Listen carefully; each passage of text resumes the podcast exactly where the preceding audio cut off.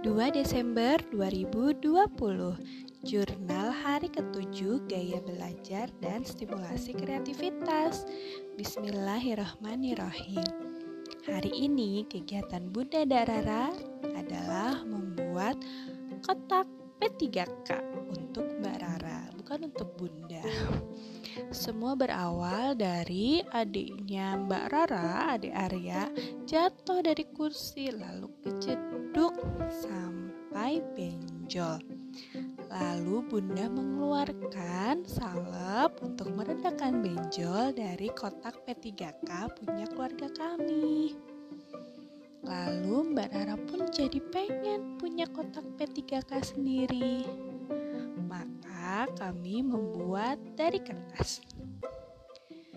Intellectual curiosity-nya dimulai ketika Mbak Rara bingung nih bentuknya kayak gimana ya? Terus yang pertama dibikin apa? Mbak Rara ngapain?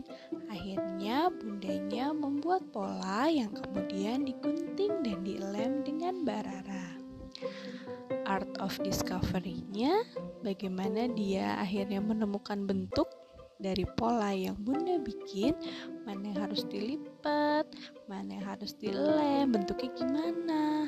Lalu waktu di tengah-tengah lem kok ada yang salah? Jadi harus gimana kalau ada yang salah?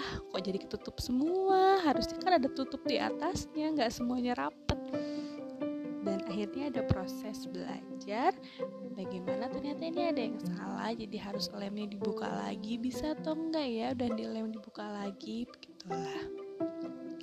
Creative imaginationnya sendiri adalah ketika Mbak Rara tuh mengungkapkan keinginannya untuk membuat sendiri kotak P3K-nya Lalu dia pun berpikir tiga dimensi kan dari polanya bunda harus dibentuk seperti apa. Sedangkan Nobel of Attitude-nya di sini bunda sekaligus mengajarkan tentang bagaimana bersyukur tentang kesehatan agar bisa menjaga kesehatan dengan baik. Maka ada obat juga untuk mengobati ketika kita sedang sakit. Alhamdulillah.